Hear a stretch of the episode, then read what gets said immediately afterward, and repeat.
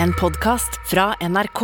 De nyeste episodene hører du først i appen NRK Radio. Og nå er det jommen meg folksom til Nyhetsmorgen. Ja, det er tre stykker her også som skal utgjøre eh, dagens fredagspanel. Vi ønsker velkommen Iselin Shumba, skuespiller. God morgen. God morgen. Arne Berggren, eh, forfatter og TV-produsent. God morgen. Takk. Og Mala Wang Navin, kommunikasjonssjef i Sintef. God morgen. God morgen. Litt glad for at du fant tid, for du er busy for tiden. Ja, jeg er det. Jeg er så heldig å jobbe med Norges fremste forskere på teknologi, og vi skal lage en kjempespennende konferanse neste uke som heter Digital fremtid. Så vi har nok å gjøre. Det er godt. Men du har også nok å gjøre her, for det er tre spørsmål vi skal ha svar på. eh, Ja og nei, og vi kan begynne i Storbritannia, for denne uken så gikk jo britene, eh, fikk jo britene en ny statsminister. Den tredje på syv uker. Rishi Sunak heter han. Første britisk-asiatiske statsministeren i Storbritannia er i gang, eh, som vi her hører, fra ukas spørretime i Underhuset. Prime Minister. Mr. Speaker, the first British Asian Prime Minister is a significant moment in our national story. Mr. Speaker, can I thank the uh, Ronald Wood gentleman with him? And I know that we will have, no doubt, robust exchanges, but I hope that they can also be serious and grown up. So. Så er saken den at Rishi Sunak han er jo søkkrik. Han og kona Akshata Murti er nemlig gode for 730 millioner pund, ifølge The Guardian. Rundt eh, 8,7 milliarder kroner. Så spørsmålet vårt til panelet i dag, begynner med deg, Mala. Er dette et løft for det flerkulturelle samfunnet i Storbritannia? Ja. Barneberget? Ja, ja, ja. Eh, Tja. Tja, hvorfor tviler du? Uh, nei, men det er jo hva skal jeg si, mangfold. da. Når det, når det er en styrtrik person, så er jo ikke han uh, mangfoldig. Men han har jo absolutt gjort en klassereise. Han er jo en uh, Askeladden, så han har gjort det. Men så tror jeg jo da at han kan jo Sånn som han ser ut, da, at melaninen han har, og noe av historien, selvfølgelig er mangfoldig, men jeg vet jo ikke om han er den som fører en veldig mangfoldig politikk. Arne Bergen? Hvis du tenker deg at du er en sånn driver og selger kebab i, i Ealing f.eks., og, og har en drøm om en dag å bli statsminister, så er det jo veldig inspirerende at du kan Skal ikke bruke det mot han at han har penger på bok, på en måte, tenker jeg. Er, Nei, men kanskje vel så mye dette spørsmålet om hvor mye kontakt han har med problemene til vanlige briter. ja. Det tror du han har. Ikke så mye, kanskje. men, men, men, men, og det er klart det trekker også litt ned at det nærmest er svigerfars penger, egentlig. Er det ikke det? Altså, sånn, sånn at eh, det er jo Men jeg syns man skal, skal, skal applaudere litt grann at han, han er en inspirasjon, tror jeg. Tror jeg. kommer mange etter han som vil bli statsminister nå i Tror du ikke det? Kebabselgere altså, Dette er jo, jeg, jeg har jo samme bakgrunn som Rishi Sunak. Altså, jeg har ikke gått på Oxford, men jeg er også av indisk opprinnelse og jeg har foreldre som er hinduer. Var ikke så rik. Uh, ikke så rik. Men eh, der stopper jo også likhetene mellom meg og han, tror jeg. Men det er klart jeg kjenner at det er liksom, dette, dette er litt kult. er- Jeg er litt stolt. Det kan jeg ikke eh, stikke under en stol. Men det er jo litt deilig at eh, også at det dominerende narrativet om sånn derre innvandrer og klassereise og sliter, ikke sant, som har nådd topps Nei, Rishi Sonak er ikke noen av tingene. Hans foreldre sitter ganske godt i det. Han er tidligere hedgefund-forvalter selv, og han har gått, altså foreldrene har gitt han den aller, aller beste utdanningen, som har gjort han til en top player i britisk politikk. ikke sant? Så han har gått gradene og kan dette britiske overklassespillet ganske godt, og gifter seg jo selvfølgelig også veldig, veldig godt.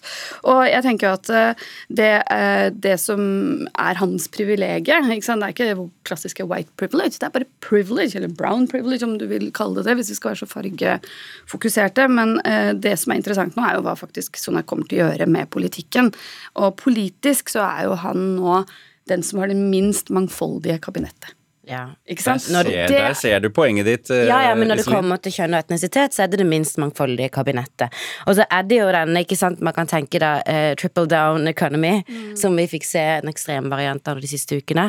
Og dette triple down diversity, det er noe vi, vi, uh, vi vil så gjerne at det skal fungere, men det gjør, gjør ikke det. Det er bare redd for hvileputer, da. Eh, ja. Men må man ikke være milliardær for å komme inn i kabinettet i det hele tatt? Altså, det er ikke det på en måte Overhuset, ja. Du skal ha en del cash, på en måte? Eh, Vi eh, skal snakke om andre ting. Andre enn organisasjon som har eh, cash. Eh, Vi bytter tema. 9. november er det premiere på den femte sesongen av Netflix-serien The Crown. Og Netflix har nå, etter mye kritikk, bestemt seg for å legge en varsling da foran til de som ser på, eh, om at serien om det britiske kongehuset faktisk er fiksjon.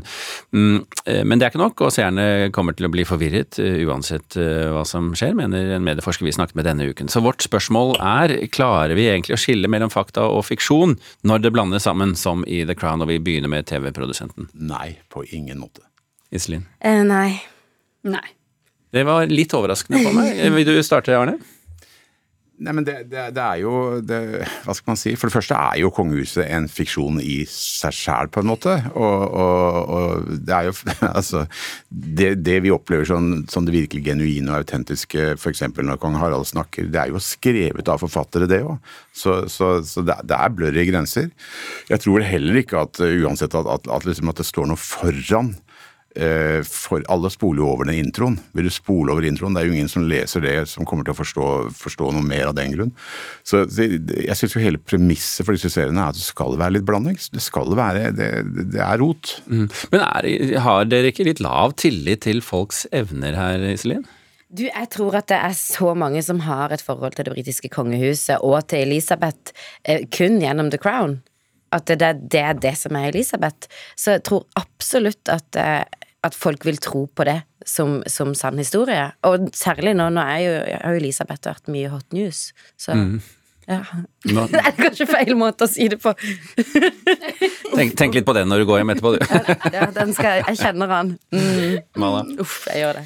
Nei, så jeg syns skaperen av den uh, veldig populære serien som kom for noen år siden, Tsjernobyl, han sa det veldig fint i et intervju at det er ikke noe vits i for meg å starte serien med sånn, denne TV-serien med spenning opp mot hva som kommer til å skje. Altså De som er gamle nok, husker hva som skjedde med Tsjernobyl. Og de som ikke husker det, de kommer til å google seg fram til svaret ganske kjapt. For det gjør jo folk som sitter og ser på Netflix, f.eks. De sitter jo og googler samtidig. Men man blander jo? Man blander jo fiksjon og virkelighet etter hvert. Hva, altså jeg vokste opp med Gandhi av Richard Attenborough, som vant åtte Oscar, som er en kjempestor film.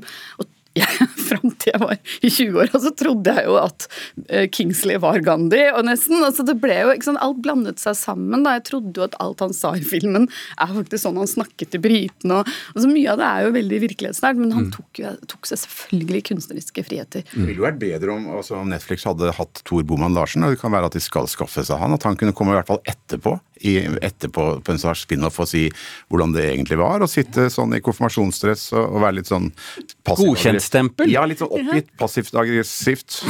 Hvorfor ringte dere ikke meg, kunne den spin-offen hete. Ja.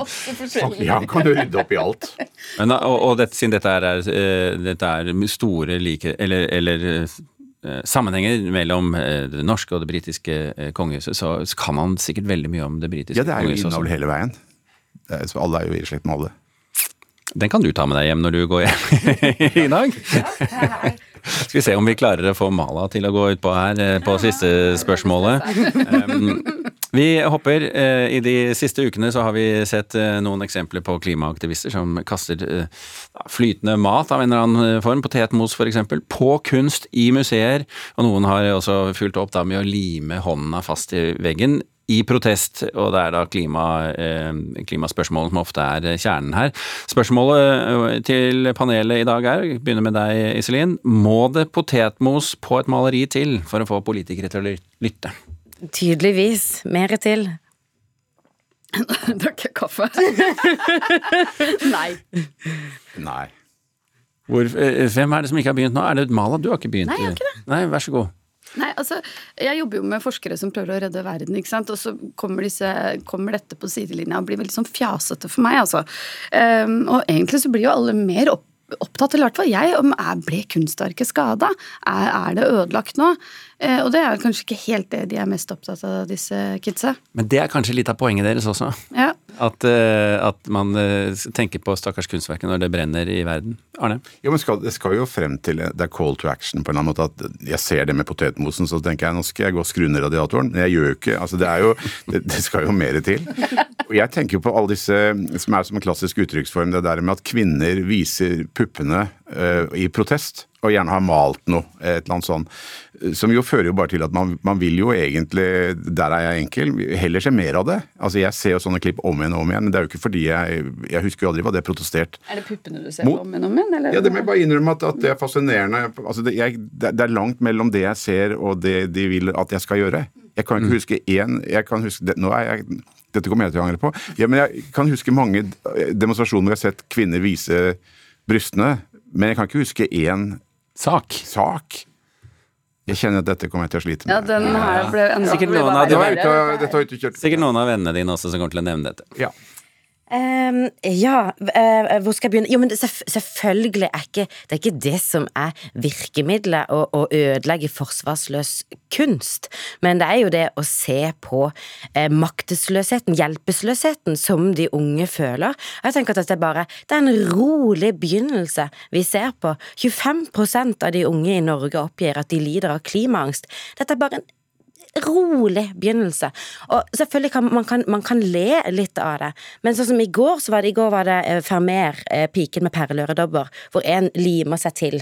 Eh, og så, så på en måte så skriker han liksom Ja, men hvordan føles det når noe, når noe som er for deg uendelig vakkert, eh, og uerstattelig, å stå og se på at det blir ødelagt, hvordan føles det?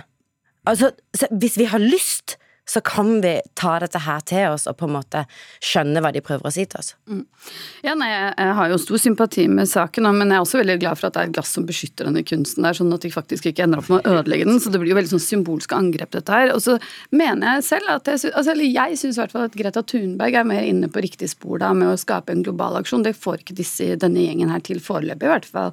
Og, og det er jo ikke sånn at ikke verden er opptatt. All, altså, politikk, media, eh, utdanning, forskning, all, alle jobber jo med å prøve å få til det grønne skiftet som skal redde kloden vår. Så for meg så blir dette veldig sånn, veldig smalt, veldig symbolsk. Arne, til slutt. Ja, nei, det kan, Man kan jo se for seg at de kan gå leng, altså lenger og lengre, og jo mer oppmerksomhet får de. Så det optimale vil jo ut fra det være at Greta Thunberg som klatrer opp på et stativ og, og tisser på veggene i Det sixtinske kapellet f.eks. Da begynner det å funke. Da slår du sammen de forskjellige uttrykksformene. At det må jo bli ordentlig alvorlig. De må jo ta Mona Lisa f.eks. Du, tak, du tenkte at det ikke var nok det du sa i stad?